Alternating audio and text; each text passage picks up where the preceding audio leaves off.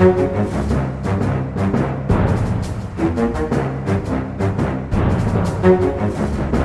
da kjører vi på med en ny episode av Aftenpodden USA. Og med oss som vanlig har vi Kristina Pletten fra hjemmekontoret på Frogner i Oslo. God dag, god dag. God dag, Øystein. God ettermiddag her fra Oslo. Ja, og god morgen fra her jeg er, for jeg er av alle steder i Flagstaff i Arizona, som jo er sånn 2000 meter, eh, litt over 2000 meter over eh, havet, så høyt til værs. Uh, og jeg sitter på et hotellrom som jeg må si har veldig mye sjel, men ganske lite strøm for øyeblikket. Det var et strømbrudd her i stad, så jeg har bare strøm i halve hotellrommet. Men vi har satser på at det her går bra. Jeg håper ja. det hører meg, og vi har slitt litt med overføringen. Dårlig strøm og dårlig mobillinje eller bredbånd har du også. Det passer godt til dagens tema. Ja, det passer godt til dagens tema, som er infrastruktur. Men eh, grunnen til at denne episoden da kommer på onsdag og ikke på tirsdag som vanlig, er at jeg er ute på en liten sånn ferietur, en liten turné. Og de som har fulgt meg på Instagram, har sikkert sett at dette er blitt behørig dekket. Så jeg startet i Las Vegas og så tok jeg en tur til Utah og besøkte nasjonalparken Zion. Gikk en knallfin tur der. Og så dro jeg videre til en, eh, til en nasjonalpark som heter Bryce. Som også er bare helt utrolig fin. Full av sånne steinsøyler, må man kunne si. Sånne gule, ja, gule søyler som mm. stikker opp i været. Som er bare vanvittig. Det ser nesten sånn menneskeskapt ut. Kjemperart. Og så var det selvfølgelig den obligatoriske turen til Grand Canyon i Arizona. Eh, og nå har jeg da kommet meg til, til Flagstaff. Og jeg må bare si, disse nasjonalparkene Christian, er jo noe av det aller beste med USA. I hvert fall for oss nordmenn som liker å gå tur. Du har jo vært på disse stedene sjøl, har du ikke det? Jo da, jeg har vært egentlig mange ganger i det området der. og det er jo mitt favorittområde i USA. Ja. Det er liksom, Hvis du skal besøke ett sted i USA, tenker jeg, så er det, er det liksom det området som er top of the list, i hvert fall min liste. Det er ja. kjempefint. Så jeg er veldig misunnelig. Men jeg har bare vært en tur i marka, da. Bare så jeg får sagt det. det er langt fra Oslomarka til Grand Canyon. Men, men, jeg må bare si at jeg har vært i ja. Arizona før og, og, og, og syns det er utrolig fint. Men på den turen her så har jeg vært altså Søndre Utah. Det er altså denne nasjonalparken Zion Law, blant mm. annet. Må jeg si, jeg har jo også bare sånn Jeg vet ikke, det er sikkert litt sånn ignorant. Man tenker på Utah, kanskje OL for nordmenn i Salt Lake City, og så mormonere. Men det er bare jeg må si det er en av de vakreste statene til nå. Kanskje, kanskje den seiler opp som min favorittstat.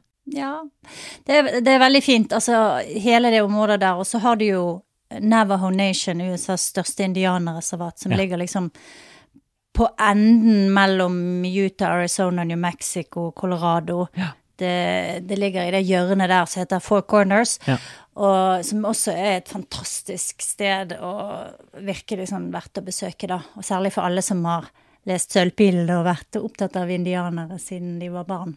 Det er veldig flott. Ja, det er helt fantastisk. Og de, um, en del av disse indianerstammene, eller urbefolkningsstammene, de er nå helt stengt. Så vi har dessverre ikke fått reist inn der. De er jo ekstremt forsiktige mm. pga. koronavirus, og noen av de som har blitt hardest rammet av koronavirus, er jo nettopp disse disse stammene. Så en del av nasjonalparkene er rett og slett bare stengt. Annet Navaho kommer du ikke, kommer du ikke inn i det hele tatt. Men det, det, får vi håpe at de får kontroll på og får åpna. Det får du ta neste gang. Jeg får ta det neste gang, for det har jeg også veldig, veldig lyst til. Eh, men ja, må være mm. kanskje den beste delen av USA, får vi si. Absolutt. Men hvis vi sier at nasjonalparkene er noe av det beste med USA, så er denne episoden handler om noe av det som ikke fungerer, infrastruktur. Og vi skal snakke litt om, om Bidens nye infrastrukturpakke, og hvorfor USA har endt opp på så elendig sted som, som de har når det gjelder infrastruktur. Men først, mm. Kristina, du er jo uh, ikke på ferie, og du har kanskje fått med deg hva som faktisk har skjedd i dette store landet siden forrige uke, så du kan jo si eh, hva som har skjedd. Jeg har noen få punkter. Det første er en kongressmann som heter Matt Getz, som de som følger amerikansk politikk tett kanskje har hørt om. Han er en sånn eh, bråkmaker og Trump-entusiast ja. som har havnet i en etterforsking av eh, FBI. De ser om han har betalt penger til prostituerte. Han har gått ut selv og sagt at det er noen som prøver å presse ham for penger. Det er i det hele tatt en veldig rar, veldig dramatisk sak som på en måte går i hjertet av dette her Trump-universet i Florida. da, Getz er fra Florida. Så det blir spennende å se hva som skjer med den saken. Mm. Det andre er at håpefulle republikanere allerede har begynt å reise til Iowa. Nå I den uken som gikk, så har Mike Pompeo vært der, tidligere utenriksminister. Det er også planer om at Rick Scott, senator fra Florida, og Tim Scott, som er senator fra South Carolina, skal besøke i nærmeste fremtid, og også flere andre eh, håpefulle republikanere. Og amerikanske TV-kanaler har allerede begynt å kjøre sånn Decision 2024. Banner nederst på skjermen, som jo er helt sånn åh, nettopp ferdig med forrige valg. Så har vi rettssaken eh, omkring drapet på George Floyd i Minnesota. Den ruller og går. Det ser ikke bra ut for Derek Chauvin, politimannen som er tiltalt for drap. Flere av vitnene forteller at det var veldig tydelig at Floyd allerede var død. Det er blant annet ambulansemannskap som kom til, til stedet. Og de har slått beina under mye av argumentasjonen for, eh, for Chauvins forsvarere. Så det er også en sak som er spennende å følge med på, og det ser som sagt ganske mørkt ut for politimannen. Ja. Mitt siste punkt er at republikanske delstatsforsamlinger stadig prøver å innføre strengere regler for hvordan amerikanerne skal stemme. Dette snakket vi jo litt om sist gang også. I Georgia så har mange store selskaper nå begynt å protestere og reagere på de nye lovene som er innført der. Og det begynner å stramme seg til, og det ser ut som Georgia nok en gang kan bli liksom ground zero for denne her konflikten, da, mellom eh, republikanere som ønsker å og egentlig begrense muligheten for å stemme, og eh, de som står på andre siden. Yes, det var veldig bra, Kristina. Denne uken så skal vi altså som sagt snakke litt om Amerikas infrastruktur. Og jeg må jo si det er litt sånn slående når man reiser rundt i dette landet, f.eks. hvor dårlig mobildekning det er her, sammenlignet med i Norge. Det finnes jo avkroker av Norge hvor det ikke er dekning, men her er det bare store områder. Du kan være midt inn i byer til og med. Jeg var jo i Las Vegas og sleit det tidvis på, på stripa med å få sendt ting. Det går bare utrolig trått. Det virker liksom som det ikke er en prioritet. Og det er jo ikke bare mobilnettet. USA har jo jevnt over en ganske dårlig infrastruktur, må vi ikke kunne si det? Ja, de har en infrastruktur som kneler på veldig mange områder, fra vannrør til strømnettet, veier, broer, tunneler, flyplasser, you name it. Ja. Det er et langt etterslep på 50, 60, 70 år av eh, vedlikehold som ikke er gjort.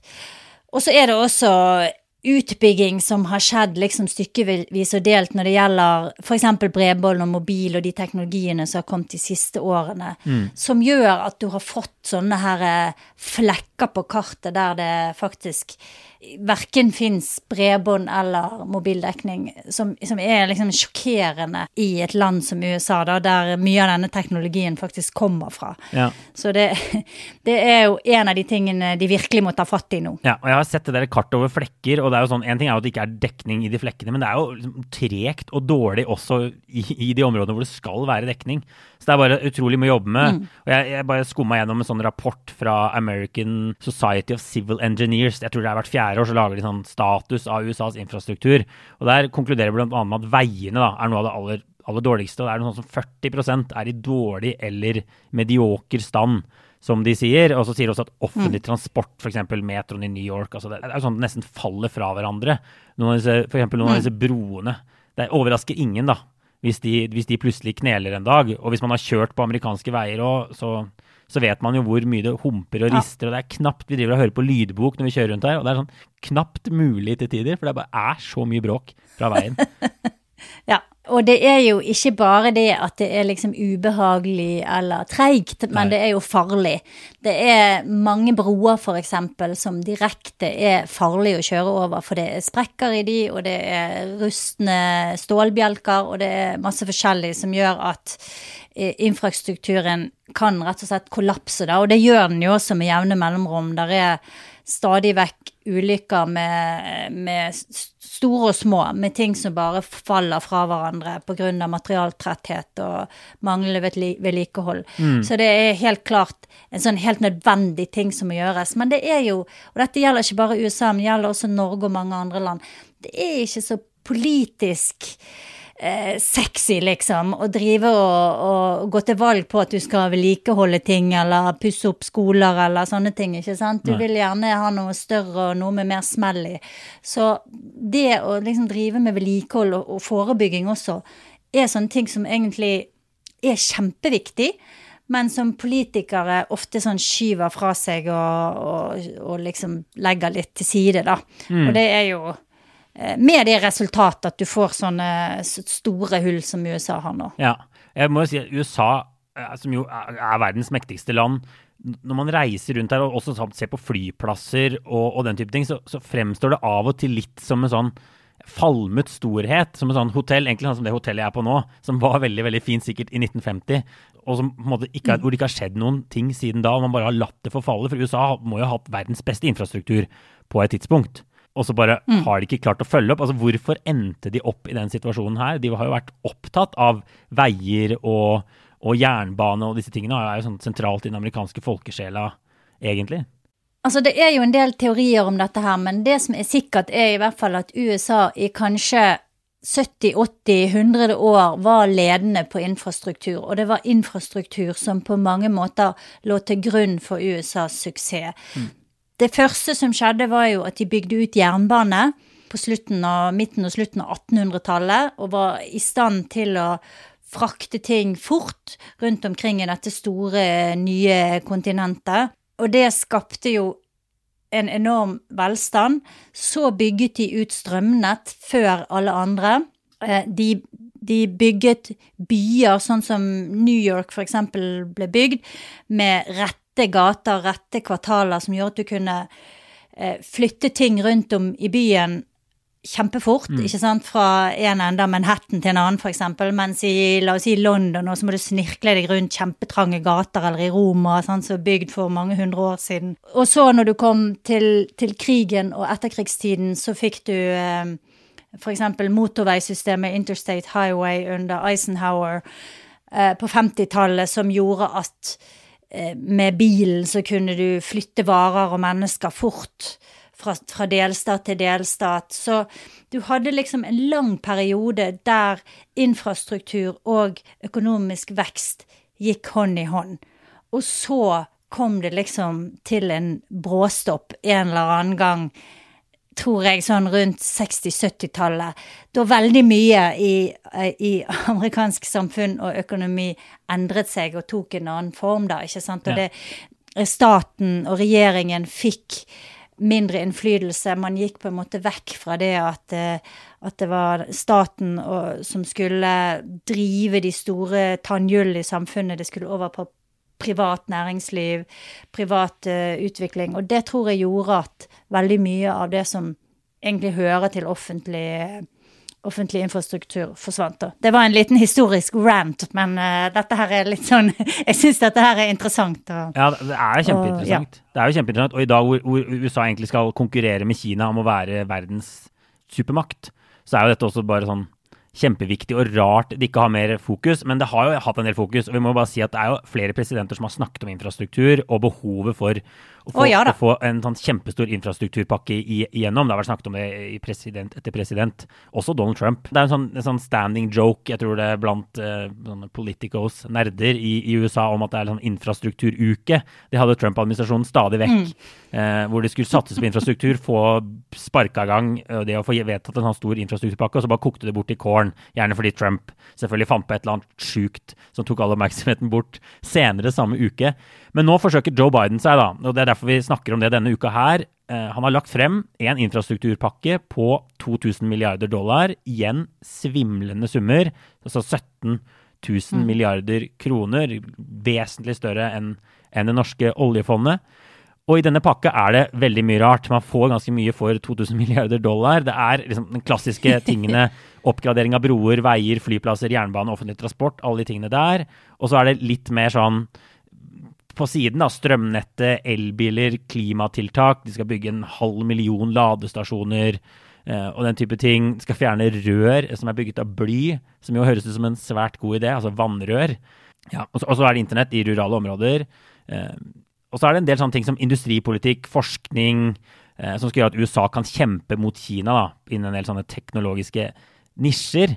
Og så liksom, er det plutselig ja. noe eldreomsorg. Man skal gjøre det enklere å drive eldreomsorg hjemme hos folk. Så dette er en ekstremt vid pakke med en utrolig vid definisjon av hva infrastruktur er.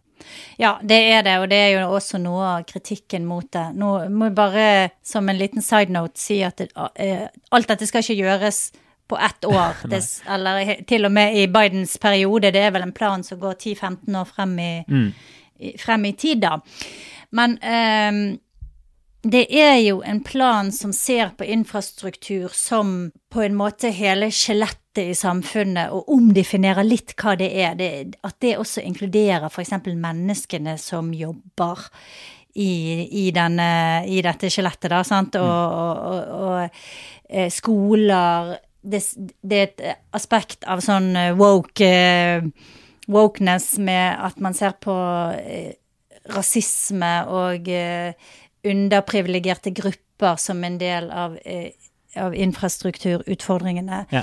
Um, så det er Det er jo en sånn På en måte sammensurium av forskjellige ting. Og jeg er litt sånn jeg har tenkt mye på det siste uken hva jeg skal mene om det. Jeg er litt sånn usikker, for på en måte så fremstår det som om alle har fått ønskene sine inn i denne her planen. Alle liksom forskjellige demokratiske gruppene har kommet med sine forslag, og så har de dyttet alt inn i. Og så på den andre siden så tenker jeg at det er jo òg nyttig å se ting i sammenheng. Og det er kanskje noe av problemet USA har hatt, at de ikke har har klart å, å, gjøre disse løftene som gjør at de, at de, får uttelling for alle de ressursene de har, da. Ja. Eh, så det å, å å løfte opp forskjellige deler av landet som virkelig ligger sånn nede og er, som du sier, sånn utrolig avdanket, eh, fallert eh, storhet, og få liksom løftet det opp igjen, det er jo et veldig godt utgangspunkt for å virkelig bygge Amerika for fremtiden. Så jeg er litt sånn ja, jeg er litt usikker på hva, på, på hva jeg skal tenke om det, men jeg tror kanskje at det blir vel ikke stående sånn som dette, da. Det er vel noe som vil bli forhandlet om, og kanskje, kanskje vil man liksom kom, eh, gå, inngå litt kompromisser underveis, vil jeg tro. Ja. Ja, altså Nå kom faktisk lyset tilbake på hotellrommet her, så det er jo positivt. Men, men det, så, så bare for å ta en liten oppdatering, oppdatering, på det, så det går fremover. Nei, men, men på, på, et eller annet nivå, da, ja. når vi har snakket om det, det, vi har snakket om frem til nå, så er det jo dette er noe USA virkelig, virkelig trenger. ikke sant?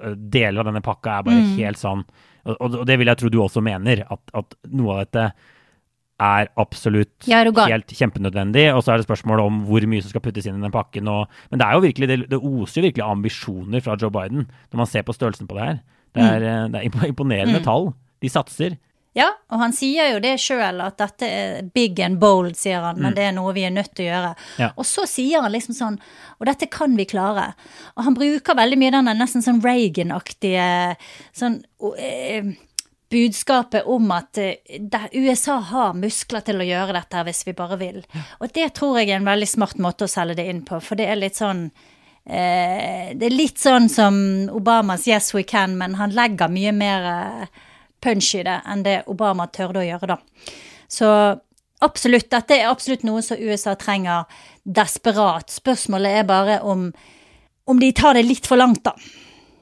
Og du, du, nevnte jo at infrastruktur, sånn vedlikehold og sånn, er ikke så, så, populært blant politikere. og Man finner på en måte ikke velgere på kanskje å vedlikeholde og, og, bytte rør langt under bakken. Så lenge det ikke sprekker, så, så går det greit. Men, men, selve sånn infrastruktur som idé, overhalle veier, bygge nye veier, jernbane, havner sånn, er ganske populært. Når man ser på meningsmålingene, så er det sånn 80% av amerikanerne støtter det.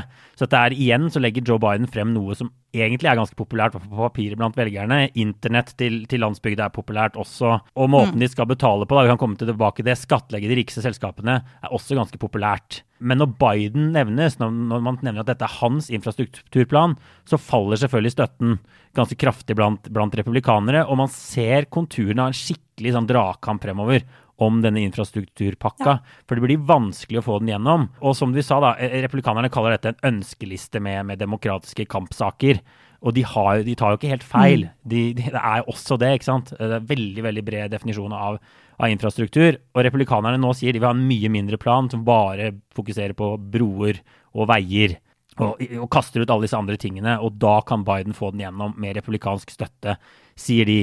Og så sier demokratene på sin side ikke sant, at nå har republikanerne plutselig en mye snevrere definisjon av infrastruktur.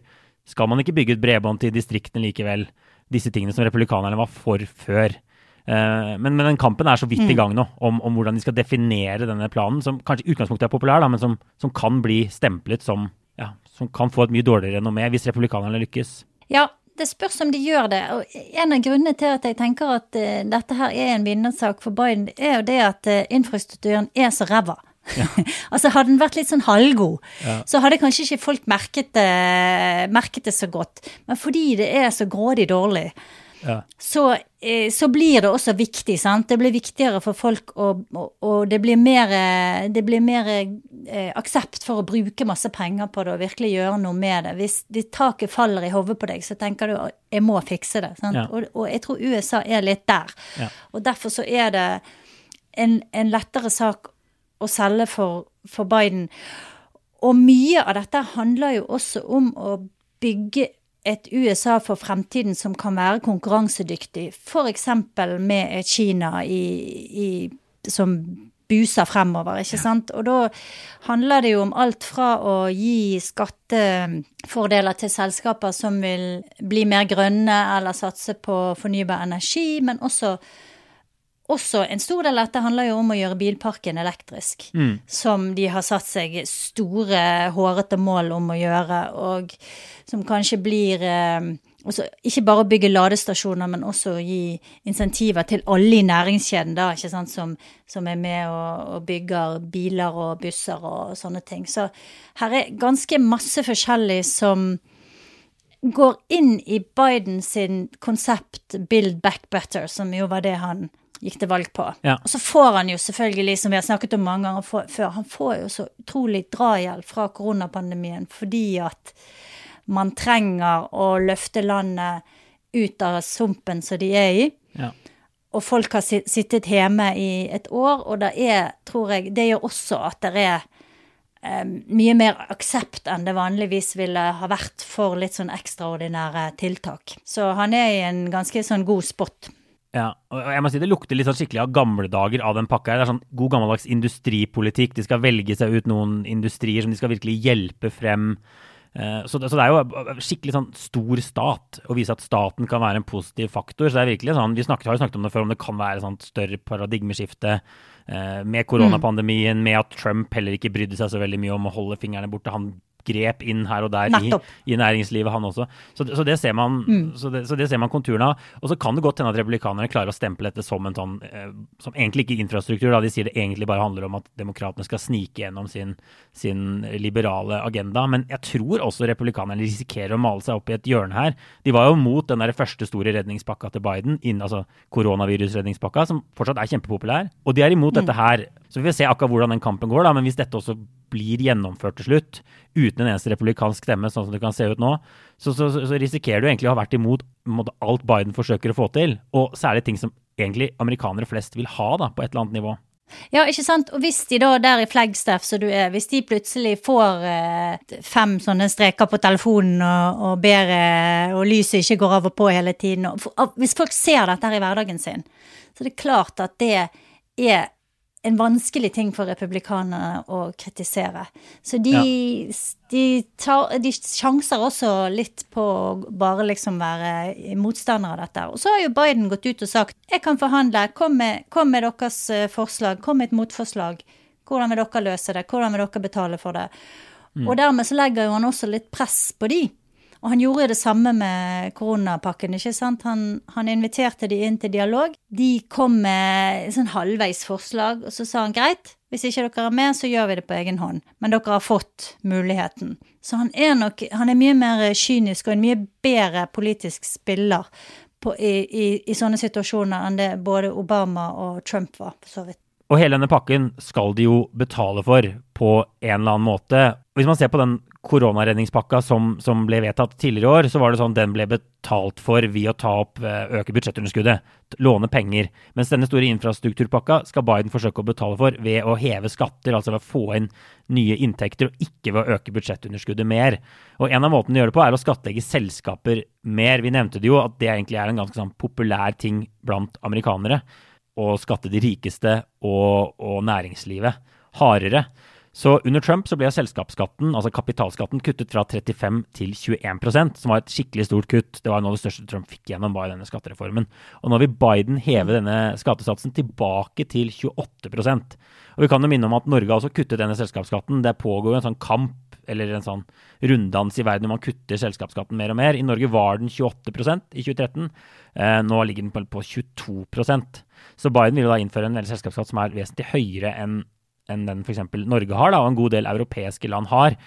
Og det har jo gjort, mm. fått republikanerne til å se rødt og funnet liksom det viktigste angrepspunktet mot den pakken her, som bare er skatteøkninger. De sier at det vil ta livet av masse amerikanske jobber og den type ting. Tror du de kommer til å klare, klare å finne inntekter og gjøre det på den måten som de skisserer? Vel, det er jo sånn at uh, Janet Yellen tidligere sentralbanksjef og nå finansminister har sagt at uh, hun ønsker at det skal etableres en global minsteskatt for selskaper. Så USA forsøker å uh, gjøre dette her ikke bare til en skatteøkning for seg sjøl, men de vil også mm. at andre land skal følge på, da, apropos det du sier med denne runddansen. Ja.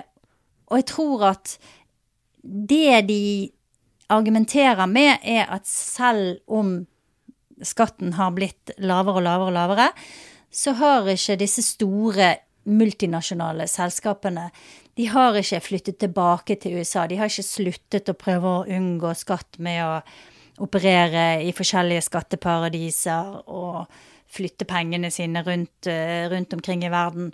Mm. Så deres argument er at de må lukke disse her smutthullene, og så må de få en bedre ordning for at disse store selskapene skal betale skatt. Og så vidt jeg har forstått, så er jo dette forslaget først og fremst myntet på multinasjonale selskaper. Ja, det er, flere, det er flere ting som ligger inne i forslaget. De skal få multinasjonale selskaper til å betale mer i en sånn minimumsskatt, og så skal de heve selskapsskatten i USA sånn generelt. Men som du sier, det er ikke bare bare, bare å gjøre det. Det er ikke bare bare for USA å innføre en selskapsskatt som er vesentlig høyere enn f.eks. i EU og en del andre land, for da vil selskapene flytte dit. Så dette med selskapsskatt mm. er bare en utrolig sånn hodepine egentlig for politikere i alle land. Og jeg må jo si at det Gjellen foreslår Jeg ser republikanerne angriper henne for å liksom skulle tvinge land til å heve skattene og sånn, men det er jo ganske populært både på venstresiden og høyresiden i mange land å stoppe den der negative spiralen hvor selskapet betaler mindre og mindre. Hvor, hvor landene ja. kutter bitte litt og litt og litt for å tiltrekke seg, tiltrekke seg mm. selskaper. Og til slutt så er det null, og så betaler selskaper ingenting. Eh, det er jo det som er, det, er det som er frykten. Og så må vanlige folk betale mer skatt på sine inntekter. Ikke sant. Og så er det jo sånn at store multinasjonale selskaper betaler mindre skatt enn små og mellomstore selskaper gjør, som ikke har mulighet til å f.eks. For forhandle med lokale myndigheter, sånn, så Amazon prøvde å gjøre det, og si sånn OK, hvis vi etablerer et nytt hovedkvarter i din by, hva kan dere gi oss i rabatter, bla, bla, bla. Så mm dette her har jo folk nå sett i mange år, at små og mellomstore bedrifter og privatpersoner er de som betaler inn skatt. Store selskaper snusker unna. Så hvis de klarer å selge dette her inn som en mer rettferdig måte å skattlegge på, så kan det jo hende at, uh, at de kan klare å, å, å, gjøre det spiselig nok for en, i hvert fall et flertall av amerikanske folk. da for meg så ser jo det ut som dette her i praksis er en sånn omfordeling av USAs rikdom. Altså du tar jo fra aksjonærer og gir til, til folket da gjennom disse store pakkene. Det kommer jo en ny stor pakke, The American Families Act, som kommer de neste ukene. Der mm. han skal dele ut enda mer penger til eh, middelklassen og, og, og fattige amerikanere. Så det er jo virkelig sånn som det, sånn som det tegner seg for meg, da, så ser jo dette ut som det er en gigantisk eh, overføring av penger fra, fra de rikeste, som, som jo riktignok har fått mer og mer og mer av kaken de siste 20-30-40 årene. Så nå flyttes en god del av de pengene tilbake igjen der de var i, i, i utgangspunktet, eller der de i hvert fall var for 50-60 år siden, da. Mm, og det er jo ja. interessant i seg selv, at man, at, at man liksom prøver å restrukturere hele økonomien på denne måten. De sier ikke at det er det de gjør, men det ser jo åpenbart ut som det er det prosjektet Biden holder på med nå. Så får vi se hva de til slutt får gjennom. Denne koronaredningspakka gled gjennom relativt raskt. Men, eh, men, nå ser vi også at det er en del motstand også på blant demokrater. Noen moderate demokrater som ikke vil være med på å heve selskapsskatten så mye. Og noen radikale demokrater som vil ha mye mer klimapolitikk og den type ting enn det Biden legger opp til. Så det kan godt hende at dette blir mye vanskeligere. De skal også bruke lengre tid på å få gjennom disse pakkene. Så vi får se hva det, hva det blir til slutt. Det skal vi følge med på i denne poden.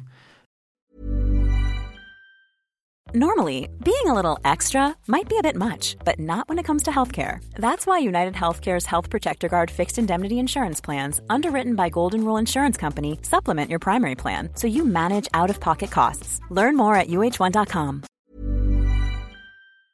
Men før jeg går ut i sola her i, i vakre Flagstaff Nå har vi slengt litt dritt om Flagstaff, det er bare en helt nydelig by, vi får bare si det. Eh, Det er ikke sånn at de først og fremst sliter med, med strømbrudd her og dårlig nett. Det er en kjempefin by.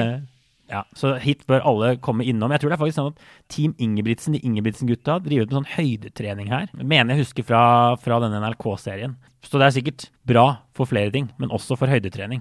Så det er bare å dra innom Flagstaff, så har vi sagt det.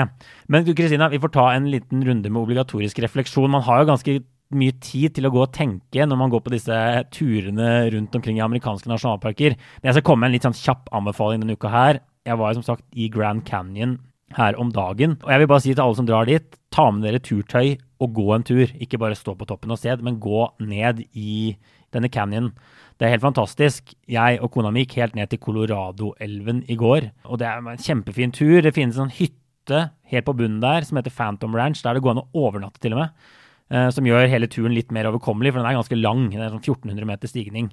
Og der kan man bestille seg altså, overnatting. Eh, Men man må delta i sånn lotteri og sånn, det er litt komplisert, så man må planlegge det et år i forveien. Men det finnes også noen campingplasser og den type ting. Men bare anbefalingen er gå ned. Det er også en sånn helt nydelig oase nedi der, hvor det renner en sånn elv, og det er masse trær som du aldri ville forvente i et så steinete og kjipt sted. Så rett og slett, sjekk det ut hvis man er i Grand Canyon. Gå ned og se. Har du tenkt på noe siden sist, Kristina? Jeg har eh, en litt sånn eh, ullen eh, OR denne uken. Jeg har, nettopp, jeg har nettopp fått i hende Hunter Biden sin selvbiografi, som heter så mye som Alt det vakre på norsk. Og det er jo litt interessant, da. Jeg har ikke lest den ennå, men jeg tenkte jeg skulle bruke den neste uken på å komme meg gjennom den. Og hele den saken rundt Hunter Biden og hans eh, eh, business dealings i, i Ukraina har jo vært en sak som har liksom ulmet og gått, særlig på høyresiden. Jeg har fått masse sinte mailer fra Trump-tilhengere som spør om hvorfor vi ikke har skrevet mer om Hunter Biden og hans uh, snuskete business uh, dealings osv. Mm. Og så kommer han jo nå med denne boken, som sikkert ikke eh, gir noe mer innblikk i hva han eventuelt måtte ha gjort galt. Men jeg tenker likevel at det er det, det blir interessant å se. Det blir interessant å se hvordan hans rolle vil være fremover. Han er jo fortsatt under etterforskning av FBI, så vidt jeg vet. Og eh, ja. Jeg, eh, jeg skal lese den boken, så skal jeg rapportere igjen kanskje neste uke om, eh, om den er noe bra, om den er verdt å lese, og hva Hunter har å si om eh, både seg sjøl og sin far, presidenten. Ja, han har jo utvilsomt vært et problem for Joe Biden de siste årene. Eh, Et politisk problem som de ikke helt har visst hva de skulle gjøre med. Det er jo lett å glemme hele den første riksrettssaken mot, mot Trump handlet jo om, om disse tingene her, og de prøvde seg jo rett i valgkampinnspurten nå med alle disse PC-ene som dukket opp, hele denne merkelige saken, men det så jo ikke ut til å ha en sånn avgjørende effekt. Det ble overskygget av alt mulig annet rart, og det så ut som mediene hadde lært litt av, av disse lekkasjene med Hillary Clinton. Det fikk liksom ikke noe skikkelig traction i mainstream media, fordi de ikke helt visste hva dette var for noe, og om det var liksom, hvem som sto bak. Det kom, det kom jo ut etter valget at eh, FBI drev og etterforsket Hunter Biden. Og han sa forresten også i et intervju her nylig at ja, det kunne jo hende at det var hans laptop som, eh, Ja. som ble dukket opp eh, via Giuliani, var det vel, og en eller annen Ja. reparatør i Delaware.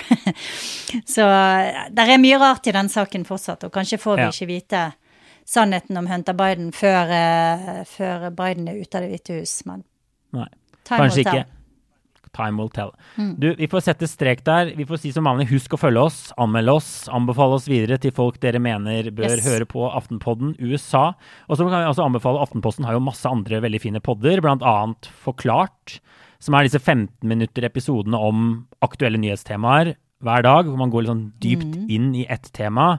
Vi bidrar begge to til den. Du er der ganske mye, Kristina, og snakker. Ja, jeg har nettopp spilt inn en episode tidligere i dag, faktisk. Yes, så den får dere glede dere til å få høre. Jeg har bidratt også i en fersk episode om, om generasjon korona, og hvordan unge i etableringsfasen over hele verden blir rammet av, av viruset. Og jeg har vært i Boston og snakket med en sånn ung cellist som skulle ha 2020 av året. Hun var ferdig på skolen, hun skulle ut og, og turnere, bygge nettverk.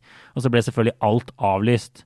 Så de snakker om en sånn tapt, mulig tapt koronagenerasjon. Så det har vært over hele verden, og den episoden ligger nå ute i Forklart sin feed. Men du, jeg tror vi setter strek der, Kristina, og så snakkes vi igjen om en uke.